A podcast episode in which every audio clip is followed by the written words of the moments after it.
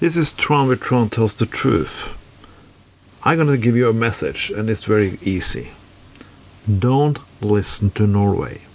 Oh, Tron, you tell me not to listen to your country. Why should I say something like that?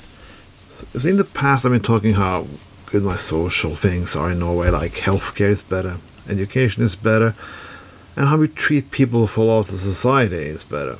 And it is. It's among the best in the world. It has its flaws, but I prefer a good social system instead of what shit a lot of other countries have.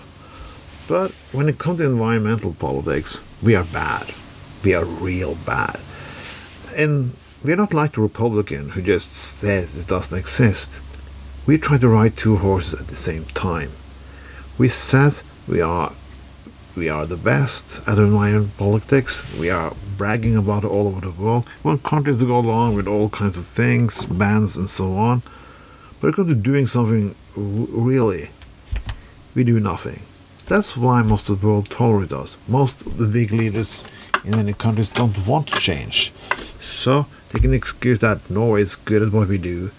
We are giving a lot of credit to the environmental cause, but we're really not doing a shit.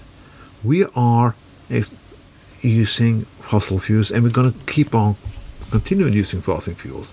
The debate in, in Norway is very strange because when we crit- the Green Party in Norway criticized the government of what's happening, we always had to hear that Norway has the cleanest production of oil ever.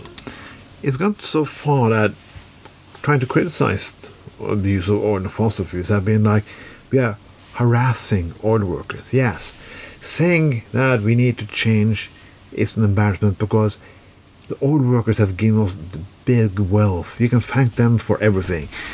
And sometimes they are right about that. But that's not just change, change the fact of climate change is real. Norwegian oil and gas is not cleaner than any other country's oil and gas. And using more oil and gas is in the South the wrong way to go. We know that. But if you but it doing like yeah, what I fucking call it. Our country is fucking wrong about it. When we hear things like that from Norway, we are lying. We're not telling the fucking truth. We see now the results of climate change.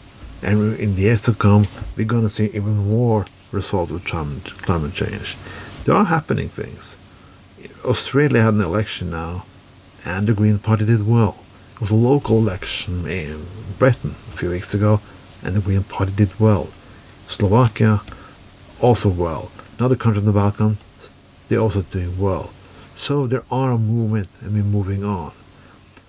I don't say changing things is going to be easy, but not changing them going to be extremely hard. Extremely hard.